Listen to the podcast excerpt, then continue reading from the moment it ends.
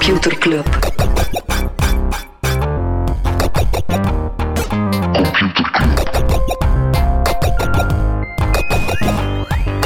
Computer Club.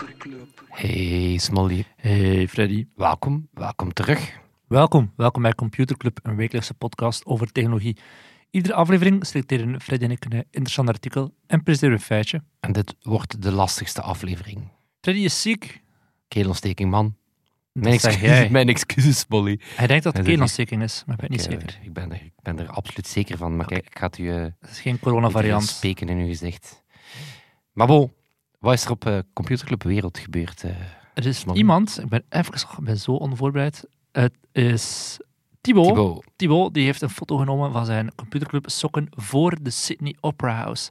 Dat wel een iconische locatie is. Dus eh merci voor die foto. Thibaut die heeft die foto gepost op computerclub.world, onze website, waarop dat iedereen die met computerclub merch op reis is gegaan, een foto op kan eh, posten. dicht, ver. Maar bon, Sydney, Ja, je kan ook op ver. reis dan schellen bellen. die mij denken aan zo die flippo's. Flippo? Worlds. Dat was Wat? een reeks van flippo's. En dat was een Flippo World. En dat waren dan zo de Looney Tunes voor alle, ik denk, zo de wereldwonderen en zo. Hè. De Sydney Opera House, Machu Picchu. Ja. Het zegt mij vaag iets. Het zegt mij niet gewoon vaag, iets, het zegt mij absoluut veel. Dus mensen die nog naar andere wereldwonderen gaan, moeten zeker, zeker foto's Yes. posten. Andere mensen ook, maar opnieuw, of dat dat nu ver is of dicht. Misschien ben je gewoon naar een zomerbar in de buurt. Dat mag ook. Misschien zit je wel gewoon op eigen terras. Dat is ook, ook vakantie, hè? Tuurlijk. Waar gaan we het eh, niet over hebben? Of, nee, voordat we het niet gaan hebben over Hmm. dingen, terugkomen op dingen. Doen we soms ook. Ik had het weetje over archivering van games. Waarbij dat de ja, 87% van alle games uit onze, uit onze geschiedenis ja, eigenlijk gewoon eh, niet meer te verkrijgen zijn. En luisteraar Thijs, we hebben die toen ook vermeld, die heeft de podcast Gamecast, is zelf een verzamelaar, of was een hele grote Dat op verzamelaar. een bepaald moment de grootste gamecollectie van België. Of Ja. toch één van de. Voilà. Maar die stuurde ons terug en die, eh, die had nog een aantal ehm, interessante aanvullingen. Hè. Die zegt van, het klopt, het zijn veel publishers, zoals Nintendo, die lastig doen over ja, het feit dat je hun archief dan nog, Mhm. eh, nog eh, ontsluit. Maar hij zei ook van, heel veel heeft ook te maken met rechten. Bijvoorbeeld de rechten op de IP, de rechten op de, de licenties op de soundtrack, dat soort dingen. Dus dat zorgt er soms ook voor dat een game ja, ook niet meer verkocht mag worden. Ja, omdat die soundtrack ooit afgesproken is voor een bepaalde periode. Ehm, en hij vertelde dat eh, Embracer, en dat is eigenlijk een van de grootste videogamebedrijven ter wereld, ehm, is een eh, Europees bedrijf, die hebben zo heel wat studios opgekocht. Onder andere studio achter Tomb Raider, eh, Gearbox Games, eh, de, de studio achter Borderlands. Zo heel, heel Mhm. grote eh videogamebedrijf. En wel, die CEO die had ooit zelf de, ja, de droom om een archief uit te bouwen. Hij heeft dat toen onder de Embracer groep ondergebracht. Dus de Embracer Video Game Archive. En daar kan je effectief op bezoek, zei Thijs. En hij had ook nog een toffe tip voor mensen die ja, into dat soort dingen zijn. Hidden Palace, dat is een soort wiki website. En die verzamelt prototypes eh, van geschrapte games enzovoort. Dus die gaat inderdaad zeggen, van, weet je, deze game is nooit uitgekomen, maar wel prototype. Of prototypes van games die wel zijn uitgekomen. Dan kan je eens, eh, ja, tussentijdse versies is, is eh, spelen. Cool. Cool, hè? Yes. Waar gaan we het niet over hebben, Smolly? We gaan niet naar Taiwan, waar de oprichter van Foxconn president zou willen worden, Terry Gou. Die zegt, geef me vier jaar en ik zal 50 jaar vrede brengen. Dat is Taiwanese die in 2000, of toch een aantal jaar geleden, al eh, een keer geprobeerd heeft om president te worden van Taiwan. Is toen mislukt. Ehm, ja, hij heeft uiteraard ook economische belangen. hè. Taiwan, een beetje de spilijzer tussen de VS en China, die de laatste jaren meer en meer naar de VS is aan het neigen, terwijl dat Foxconn toch zeer hard in China ook actief is. Een bedrijf dat 200 miljard waard is. En die Bedrijf die ook de, die de iPhones en zo die de eh, iPhones maakt en die eigenlijk heel veel dingen doet. inderdaad, die heel veel technologie produceert. Ehm, die, die Terry Gou die zou toch wel weer toenadering tot China willen. Ja. Ja, ik denk niet dat hij het zal halen, als het zo hoort, maar voor hem spelen er uiteraard economische belangen mee. Ja, inderdaad. eh, het is eh, heel wat spanning rond die, eh, rond die supply chain daar. Apple zit daar ook. En dan binnen Apple. Apple die zou voor het eerst in vijf jaar de iPod Pro een stevige make-over gaan geven. Nieuw OLED-scherm en drie chips. Ook een nieuw Magic Keyboard, grotere trackpad. Eh, De dat is iPad nodig. Pro. De, wat? Was hij wel? De iPad Pro. Ah, je dacht hij iPod Pro zijn. dat inderdaad. zou wel zalig zijn, moest die terug zijn en meteen een Pro Ja. en meteen een makeover. Nee, dus de iPad, want eh, de iPad is het eh, kleinste segment voor Apple geworden. Verkoop van iPad, die zit intussen onder het niveau van 2020. Hmm. Maar Apple moet ook dringend eens zijn ei leggen over wat die iPod, en zeker die iPod die iPad. sorry, Smally. Beetje, beetje, beetje geduld met mij, man. Eh, ja, nee, zeker die, die iPad Pro. Ja, wat die nu precies moet gaan zijn. Van, is het een, eh, moet het eigenlijk een Mac proberen zijn? Wat dan niet. Maar bon, nieuwe iPad Pro komt er dus aan. Eerste Ik dacht, ik spreek het dus juist uit. Dus dat is voorgesteld door Steve Jobs. En we hebben ook nog nieuws over Steve Jobs. Zijn handgeschreven A4'tje van Steve Jobs verkocht voor 162.370 euro. Oké, dat klopt. 162.370 euro. Ehm wat stond op dat papiertje? Dat was een kladversie voor een advertentie voor de Apple One. En dat bedrag is zes keer meer dan wat ze verwacht hadden om die veiling ervoor te krijgen. Het is gewoon eigenlijk een blad papier waarop Steve Jobs de, de tekst heeft geschreven en zo'n beetje beschreven van dit zou de advertentie moeten staan voor de Apple One. Ik ben nu een boek aan het lezen van de Steve Jobs Foundation of zo. Van zijn, van zijn ja, wat is dat zo? Zijn, zijn vrouw die dan zo was Mhm. zijn legacy in stand houdt. Het is een gratis boek, kan je gratis downloaden. Het heet Make Something Wonderful. Het zijn allemaal speeches, memo's Oké. enzovoort van Steve Jobs. Ik ben wel ergens een fan of... Je kan moeilijk rond Steve Jobs, denk ik. En eh, Wat een open deur voor die erin getrapt. nee, voilà, voilà. En er zijn al een heel aantal bekende speeches. Er Mhm. zijn al, maar het is, het is een hele coole collectie. En, Cool. en het is wel echt zot interessant op die, op die dude. Door al die tijdsvakken super slimme shit te horen zeggen. Zo, Ja. dat zo. Als je het allemaal in zijn perspectief bekijkt, dan eh, Make Something Wonderful. Af, absolute leestip. Ik zal hem in het eh, tipskanaal op ons Ja. Clubhouse delen. Ja. Krijg ik een streaming jingle? Tuurlijk. Streaming. Goh. Dat is eigenlijk ook terugkomen. Je had het vorige week over het dalen van tv-inkomsten. En het feit dat al die grote entertainmentbedrijven, dus ja, een Mhm. tv-tak, ja, dat ze er iets mee willen doen.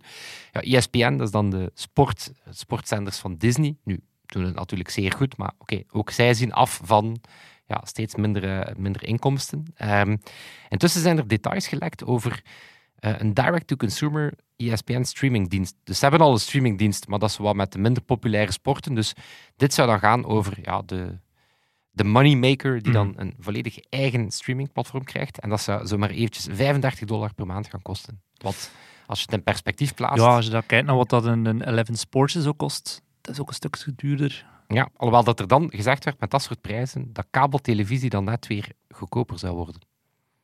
Omdat je natuurlijk niet enkel ESPN neemt en je gaat dan ESPN Ja, ja. en Disney enzovoort. Dus dan is de vraag, kom je dan toch niet uiteindelijk terug bij... Ik denk, als echte voetbalfan heb je dat er wel snel uitgehaald. Of om tegen welke sport, hè. Er is één Ja. ticketje voor een wedstrijd. Ik ga bij fans blijven, OnlyFans. Oké, Is goed, hè? Is een segue, hè? dat is meer dan Ongepland. 35 euro per maand. Dat mensen soms eraan uitgeven. Voilà, maar het gaat, over, eh, het gaat over het feit OnlyFans, we hebben er ooit eens een episode over gedaan, ik, ik heb niet opge- opgezocht welke, je vindt het via onze website.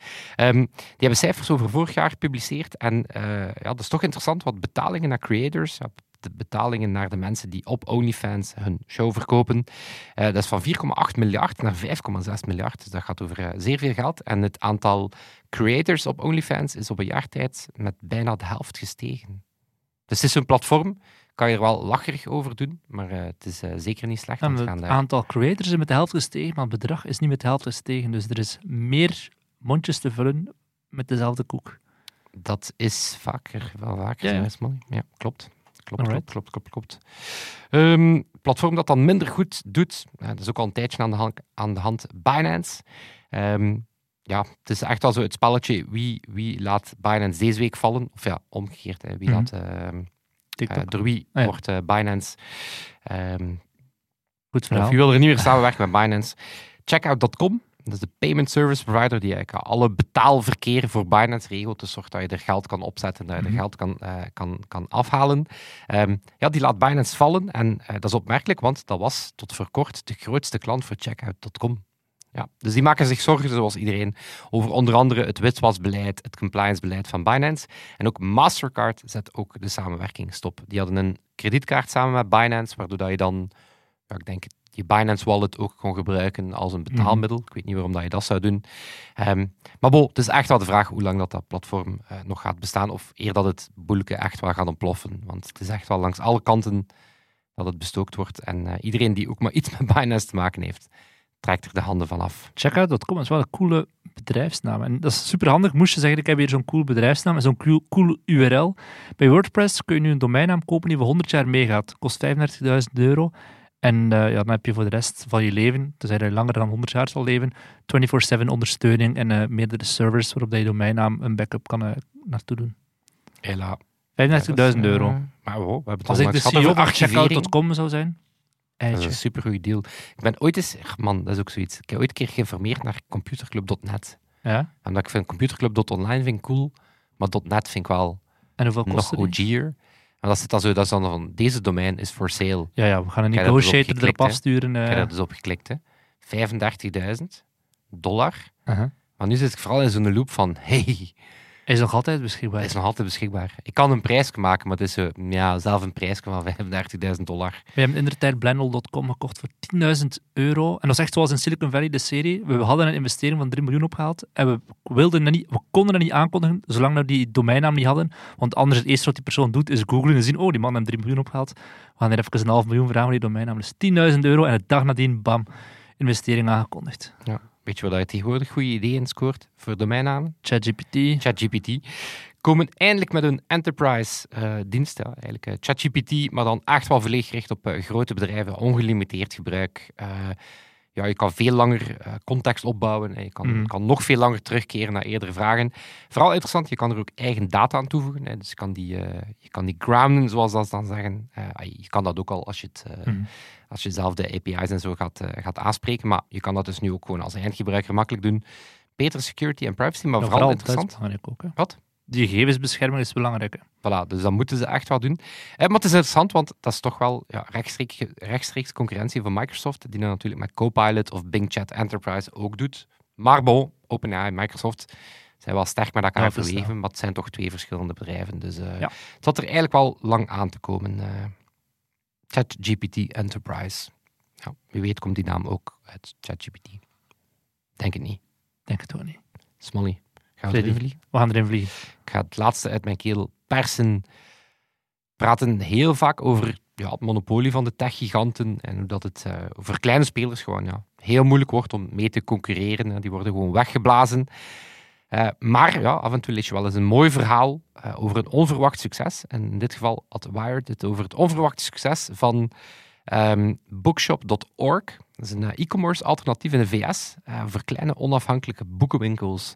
Ja, om ja, online toch wat iets van weerstand te kunnen bieden aan eh, met name Amazon dan. Smolly, je bent een fan hè, van de kleine onafhankelijke Absoluut. boekenwinkel. Was jouw Paard favoriete? van, hier in Gent, Paard van Troje, maar in Brugge ehm, De Reigeren. Dat is eigenlijk mijn all-time favorite. Oudste boekhandel van Vlaanderen. Hebben die ook een webshop? Die hebben een webshop en Paard van Troje heeft een webshop sinds één of twee jaar. Die ging er altijd plat op. Als ze dat niet hebben, noemen ze het wel. Voilà. Want waarom? De beste ervaring blijft natuurlijk de shop zelf. hè. Absoluut. Voilà. En dus dat zegt die oprichter ook, maar ehm, ja, die voelde het, er moest wel iets gebeuren. Want ooit was, ja, het, de American Booksellers Association, ja, de, de, de handelsorganisatie Mhm. achter die winkels, ja, die was ooit begonnen met IndieBound. Dat was een beetje een eh, platform. En wat moest dat doen? Dat, moest, dat zorgde ervoor dat als je een review deed van een boek, of als blogger, en je wou linken naar dat boek, dat je niet de facto naar Amazon moest linken. Dus die hadden een soort eh, tussenlink website. Je kon daarna linken en die linkte dan naar allerlei kleine boekhandels. En die Hunter, dat is dan een eh, iets wel excentrieke uitgever, zo een eh, beetje een, een heel creatief dude, kleine uitgeverij, maar die maakt ook van die e-zines en eh, weet je, zo een kerel die al heel wat dingen gedaan had. En die kwam eh, naar die Booksellers Association met de pitch van kijk, ik ga dat voor jullie, of laat ons dat uitbouwen tot een volwaardige boekenwinkel. Een volwaardige online boekenwinkel. En waarom zouden we gewoon linken als we, eh, als we ook kunnen verkopen? Maar die kreeg daar een nee. Ehm, dus die is dan zelf met dat idee verder gegaan. Ehm, en interessant is dat het het minst VC-vriendelijke investeringsplan ever is. Hij zei letterlijk tegen investeerders: Supporting this is a very worthy thing to do, but you're not going to get a VC return.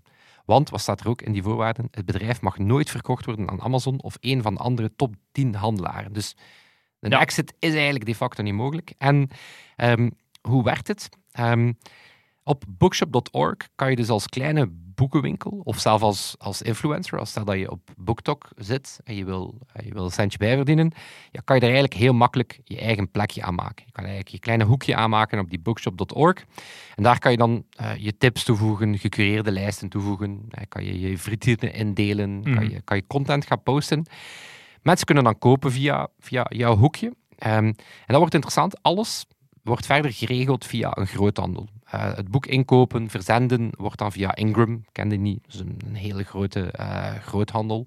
Ehm, en zo kan die kleine boekenhandel, moet die niet ja, zelf die stok nog gaan bijhouden, die verzendingen gaan doen, want dat kan je natuurlijk nooit halen tegen Amazon. Die gaan altijd sneller zijn, die gaan altijd ehm, goedkoper kunnen gaan.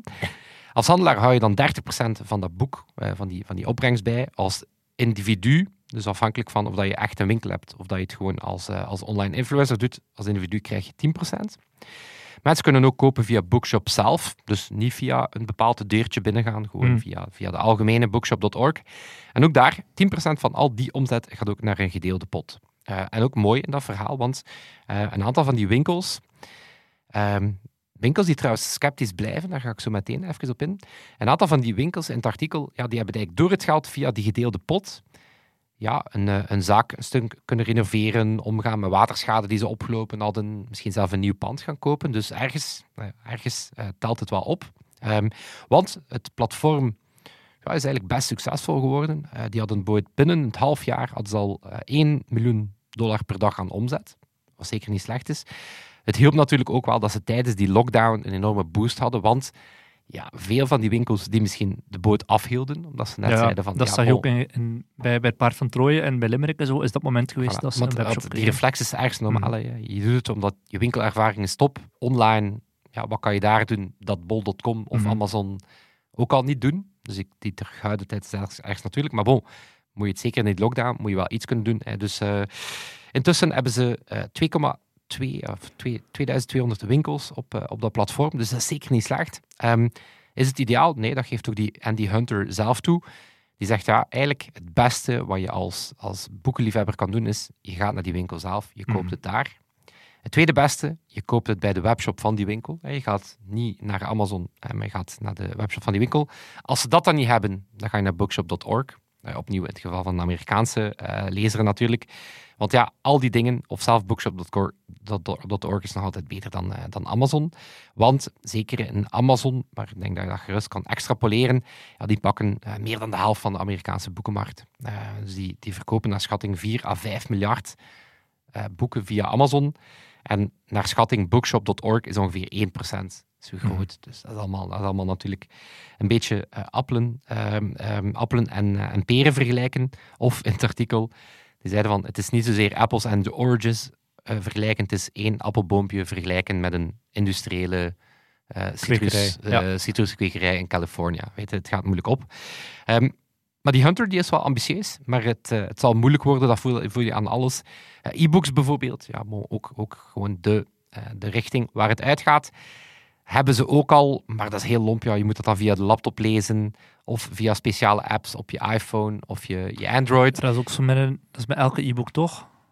Elke e-book die je niet koopt via Kindle Ja. of via Kobo Store, ja, je Als kan die op je device krijgen. via mijn bibliotheek, moet inderdaad ook via een paar omwegen. Voilà, en ze gebruiken, hè, dus die, die Hunter of die, die bookshop.org, wilde ook heel bewust die open source technologie die bibliotheken al gebruiken, ja, Mhm. daar ook mee in gaan investeren. Maar bon, je voelt aan alles dat je het nooit, nooit even vlot krijgt als, eh, als Amazon of Kobo bijvoorbeeld. Audiobooks zijn ze ook mee bezig in samenwerking met Libro.fm. En dat is ook wel nog interessant. Ja, die, die Hunter is natuurlijk zelf ooit een uitgever geweest. Is dat die bookshop.org ook soms eigen uitgaves doet. Ja. Dus daarmee gaan ze ook proberen met schrijvers gaan werken die natuurlijk ook geen fan zijn van Amazon. Ik wil ze wel ontmoeten, schrijvers die fan zijn van, eh, van Amazon en anderen. Ja, maar toch interessant dat er een, eh, interessant dat er toch een model naast wordt gezet. Want ja, bon, eh, het is heel moeilijk om, het, om eh, te concurreren met Amazon. Het zal moeilijk blijven. Maar mensen als Andy Hunter en Bookshop.org tonen dat het ook wel, eh, ook wel anders kan. Vond ik wel mooi. Yes, cool. Mooie jingle. Ik ga een mooie jingle zoeken, wacht. Computerklas. Freddy, de kracht of het vermogen van een auto, hoe drukken we dat uit? Wat is de meeteenheid daarvan? Het vermogen van een auto. Ja, of de kracht, ik weet het niet, ik heb geen auto. Allee, je zegt toch van een auto, hij heeft zoveel... mm-mm. PK. Ja, pk, paardenkracht. En Weet dat één nog van mijn kwartetkaarten. paardenkracht is, is het vermogen van een trekpaard om 150 kilogram in 1 minuut 30 meter op te hijsen. Wist ik zelf ook niet. Maar hoe zou je de internetsnelheid kunnen uitdrukken? Megabits per seconde. Nee, duivenkracht. Want in 2009 is er een duif geweest, genaamd Winston. En heeft een reis gedaan tegen Telkom, wat de grootste telecomprovider van Zuid-Afrika was. En ze hadden een die Er duif... ook 150 kilo aan hangen. Nee, Oké. 4 gi een, eh, een SD-kaartje van 4 gigabyte is hem aan hem gehangen en dan gekeken, je moet hier 60 mijl verplaatsen, wie is er het eerste? En toen, ik over 2009, hè. en toen dat Winston de duiver was, had Telkom nog maar 4% van de data getransferd. Dat was een IT-bedrijf in Zuid-Afrika die zei, fuck off, Telkom, want dat is de, lokale, de, grootste provider was, die zeiden, jullie zijn zo traag, kijk, we gaan het bewijzen door een duif te laten vliegen en te kijken wie dat er het eerste is. En de duif was eh, los de winnaar. Dus één duivenkracht, zou je kunnen zeggen, is dan, die kan eh 4 gigabyte aan die snelheid verplaatsen. Dus stel, want bij ons is het altijd nipt om onze podcast op tijd online te krijgen. Hè. Opnemen op dinsdagavond. Met een duif van zetten Sebastian op of donderdagochtend. Dat geeft Sebastiaan en Toon heel weinig tijd. En dan moeten we nog eens WeTransfer. Ja. Daartussen we eigenlijk beter een goede duif kopen. Dat is waarom dat je vriend van de show kan worden, hè, voor dat soort Maar voor optimalisaties. een eh, blauwe geschelpte, of ik denk niet dat wij genoeg geld hebben voor... eh, Ik denk niet dat... Is dat een zelf met prijsbeest? al onze Nee, nee. vrienden en alle merch die we al verkocht zo'n ook echte heel goede veel- duif. eeuwenlange URL's van kopen bij WordPress. Oké, maar het internet in duivenkracht. Ik ben wel mee. Yes. Een aantal duiven. Zo de fiberreclame. Mensen gewoon zo... Zoveel duiven, oké. ik wil het. Want, want vooral intussen, ja, maar waar vergelijkt het nog? Weet je, wel, zo, mensen snappen dat toch meer. lichtsnelheid. Ik versta het al niet meer. Maar inderdaad, moesten mij zeggen van, wow, dat gaat hier van 10 duiven naar 1000 duiven. Ik zie dat, hè. Ja, ja. Mooie advertenties ook dat je kan maken. Absoluut, absoluut, absoluut. Prachtig. Ik vind het ook wel tof dat ze zo ooit die maateenheid voor paardenkracht er toch wel een getal op hebben willen plakken van wat is dat en waar komt dat vandaan. Leven Wikipedia. Wie dat er misschien heel veel duiven gaat kunnen kopen binnenkort is Instacart, want Instacart die gaan naar de beurs. Die plannen, die hadden ze eigenlijk vorig jaar ook al, hebben ze toen in de frigo gestopt, omdat het moment er niet per se voor was. Instacart is niet bij ons actief, maar als ze naar een beurs gaan, ja, dan wordt er altijd een prospectus gepubliceerd. Dat is zo'n heel dik document met alle informatie in. En dat is voor iedereen wel interessant, want dan, dan vallen de maskers eigenlijk wel af. Dan kun je zien van, ja, wat zijn de echte cijfers van dat bedrijf? Je mag daar niet op liegen, want het is financiële documentatie. Bij Instacart leren we bijvoorbeeld dat Dat Pepsi... is wel interessant, heel dik document. Een HDD. Dat zou iets kunnen zijn dat je dan in duivenkracht uitdrukt. Ah, HDD. Hoeveel, hoeveel het versturen HDD van mijn per- HDD hoeveel- is eh drie, drie Ja, hoeveel HDD DK. per D? Hoeveel eh, hele dikke documenten per duif? Ja. Dat is, oké. Ik ben mee, ik zie het. Wat stond er in dat hele dikke document? Maar vertel Ja. eerst, wat doet Instacart? Wat al misschien eens kijken, iets wat, dat, wat, dat, wat dat interessant was. Pepsi is een belangrijk aandeelhouder. Dat wist niemand. Die hebben voor 175 miljoen aan preferente aandelen gekocht. Dat zijn aandelen die, eenmaal als ze effectief naar de beurs gaan, kunnen ze dat omruilen voor effectieve... Allee, hebben ze echt aandelen. Ik las over dat nieuws inderdaad, dat dat, zo, dat dat altijd belangrijk is om in die prospectus, of het moment dat je zo Mhm. wat interessant voordoet naar, naar investeerders en investeringsbanken en zo, dat altijd interessant is als je zo van dat soort aandeelhouders al mee aan Ja, boord tuurlijk. hebt. Zo'n beetje om te showen van... Yep. We hebben al dienen als backup, dus het zal... eh, Ja. Maar wat dat ze doen, het is een eh, online shoppingplatform, specifiek voor de gewone boodschappen, als in de supermarktboodschappen, die eh, niet zelf van een winkelier is. Ze werken samen met enerzijds Costco, Walgreens, de lokale supermarktketens, maar heel veel ook met lokale winkels die zelf geen eigen webshop hebben. Ehm, ze hebben 77 miljoen actieve gebruikers maandelijks. Zitten allemaal in Amerika. Het is eigenlijk meer een concurrent van, van Uber dan de app van Albert Heijn of van de Leijs. Het is echt een platform dat ertussen zit die op delivery focust. En delivery is nog altijd hun allergrootste ja, focuspunt. Maar meer en meer zijn ze aan het shiften naar dingen die nog lucratiever zijn. Want ehm, dat twee jaar geleden als het 73 miljoen verlies. Vorig jaar eh 428 miljoen winst. Maar dat is wel met een stukje ja, belastingstechnische dingen en zo. Maar het punt is wel, zelfs als je die belastingstechnische bonussen eraf haalt, zitten ze op, zijn ze winst aan het maken. Dat zie je ook nu, de eerste helft van 2023. Omzet is gestegen met 30 Ehm, een netto winst van 242 miljoen de eerste, eerste, kwarta, eerste helft van eh, 2023. Dus ze zijn wel op track, on track om... Dat is het, eh, dat is het te grote contrast nu met de, met de IPO's nu. Van Instacart, ARM natuurlijk, maar ook Ja. Klaviyo, dat is zo e-mail marketing Ja. Eh, allemaal winstgevend al. En dat is Ja. het grote verschil, denk ik, tegenover En dat lezen mensen natuurlijk ook graag met zo'n een, prospectus. En hoe heeft Instacart dat gedaan? Door meer te gaan focussen op data die ze hebben, waardoor dat ze nog meer kunnen gaan recommendations doen, maar anderzijds ook advertenties. Ze zijn een derde van hun omzet komt nu van advertenties. Dus een supermarktketen die kan adverteren om ja, jou bij hun te laten shoppen, eenmaal dat op dat platform zit. Want ja, je logt waarschijnlijk ook de PepsiCo's enzovoort van de wereld, kan ik mij dan inbeelden. producten, ja, waarschijnlijk. Maar je, je logt je dus in, je kan het in België niet gebruiken, maar je logt je dus in, je ziet een heel scherm van Costco, Walgreens, ja, die lokale supermarkt of lokale winkelier. En dan kun je daar zeggen, ah, ik wil bij deze kopen, ik wil bij deze kopen. En dan is het eigenlijk een soort shops binnen de grote shop die, die Instacart is. Ook nu weer het aantal bestellingen, de eerste helft van 2023, is stabiel gebleven. Maar doordat ze veel meer op advertenties verdienen of met grotere marges kunnen pakken op bestellingen, kunnen ze meer, meer, eh, meer winst beginnen maken. En dat is door, dankzij een nieuwe CEO, Fiji Simo, die komt van eh, Facebook. Daarvoor was de oprichter die nog CEO was, die is weggegaan. naam. Fiji Simo, ja. De oprichter heette Apurva Mehta. Beide goede naam voor duiven. Allee, ik wil Star Wars niet beledigen, personages maar, kunnen ook, eh, hè.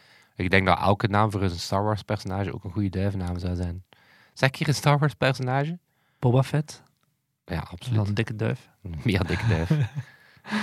Luke Skywalker, is dat nog meer zo? Luke, Luke Skywalker, mega goede duivennaam. Sky Glider of zo het zou moeten zijn dan. Ja. Zeg ik hier zo een, een Star Wars prinses die niet Princess Leia is? Zo iets Wat? adellijk. Ik wil, ik Nog meer vrouwen in het Star Wars-universum. Een adellijke. een- Nee, ik ken alleen Leia Organa. Ik, ik ken niet meteen een andere prinses. Ik dacht dat dat daar vol liep met, er zijn nu met bekende nerds aan sterven in de auto. Rood de- aangelopen. Was de moeder van Anakin Skywalker ook geen prinses? In episode 1. Ik stel de vraag aan u, ik weet dat jij een Star Wars fan bent. Wat de moeder van Anakin Skywalker. Ja, in episode 1. Dat gaat toch over kleine little... Ja, Ah nee, zijn vrouw. Zijn vrouw.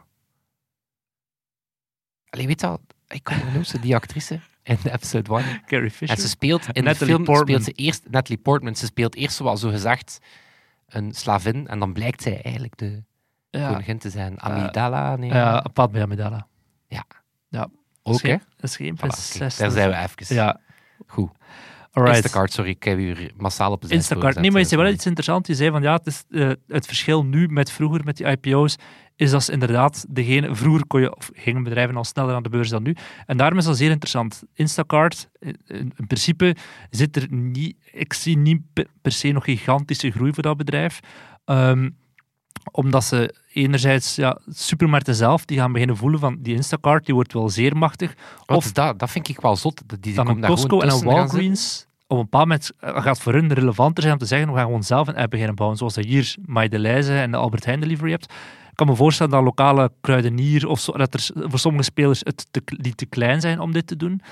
Ehm, of dat, maar daar voel ik al, al concurrentie. Anderzijds, niche-spelers zijn er heel veel meer en meer. En Bijvoorbeeld voor ons katten en honden eten bestaan we bij een, bij een online platform dat alleen maar focust op katten eten en kattenbakvulling en zo Ja, en, en niet op de bol.coms. En anderzijds een Amazon, ja, die ook gewoon daar volop tegenin gaat. Dus ik zie voor Instacart niet meteen een gigantisch exponentiële groei nog. Tegelijkertijd is het een zeer interessante, omdat je, ja, als je zo in de, de storm is gaan liggen, er is een storm geweest. Hè. Als je kijkt nu voor de waardering van Instacart is van 39 miljard naar 13 miljard gegaan. Het aantal beursgangen, twee jaar geleden waren het er eh, 397, vorig jaar maar 100 beursgangen in de VS die van, van scale-ups die de moeite waard zijn. En er staan heel veel bedrijven aan de zijlijn te wachten. Er zijn 1400 unicorns die al dan niet naar de beurs zouden kunnen gaan. Sommigen gaan gewoon overgenomen worden of gaan gewoon voor altijd blijven doorgaan zonder dat ze naar de beurs gaan. Want er zijn er 1400 die potentieel naar de beurs zouden kunnen gaan. En die kijken wel zeer hard naar, wat gaan een ARM doen, wat doet een Instacart? Beetje zoals na de, de zondvloed bij, in de Bijbel, dat Mozes, nee Mozes, Noah, een duif, in, een duif Oh, man, wat een duiven. Een, een duif liet uitvliegen en dat hij dan terugkwam met een, met een palmtakje om te tonen van wow, er is dus ergens al land zichtbaar onder de zee, die, eh, dat het water is aan, aan het zakken. Dus een beetje hetzelfde nu, gaat het, gaan, gaan, kunnen eh, Instacart en zo en ERM die duif zijn, die terugkomen met een palmtakje, om te tonen van de coast is clear. We Mag kunnen weer allemaal naar de druk- trekken, Mag je, wat druk bij onszelf leggen? natuurlijk. Ik heb eigenlijk het gevoel dat we de episode title beide in, du in duiventhema moeten houden. Ah, fuck. Ja, mensen, mensen die nu gaan luisteren en kijken nu naar de episode title, die gaan zien of dat ons gelukt is of niet. Ja. Het zal ons altijd gelukt zijn om de episode online te krijgen, want daar staan we niet alleen voor. Daar hebben we twee duiven voor. Daar we twee, wat een, wat een duivenkracht. eh, Tortelduifjes. Dat weet ik niet per se. Zo- voel ik mij wel bij hen. Allee, Ja, of- ja, ja. Ik weet niet of dat ze onderling tortelduiven, maar daar hebben wij eigenlijk geen zaken mee. Onze prijsbeesten. Toon en Sebastian. Toon, die deze week de edit doet, zijn we super dankbaar voor. Ook onze vrienden van de show, iedereen van Computerclub. En dat En zal dat zijn. het zijn. Tot volgende week. Yo. Yo. Computer Club.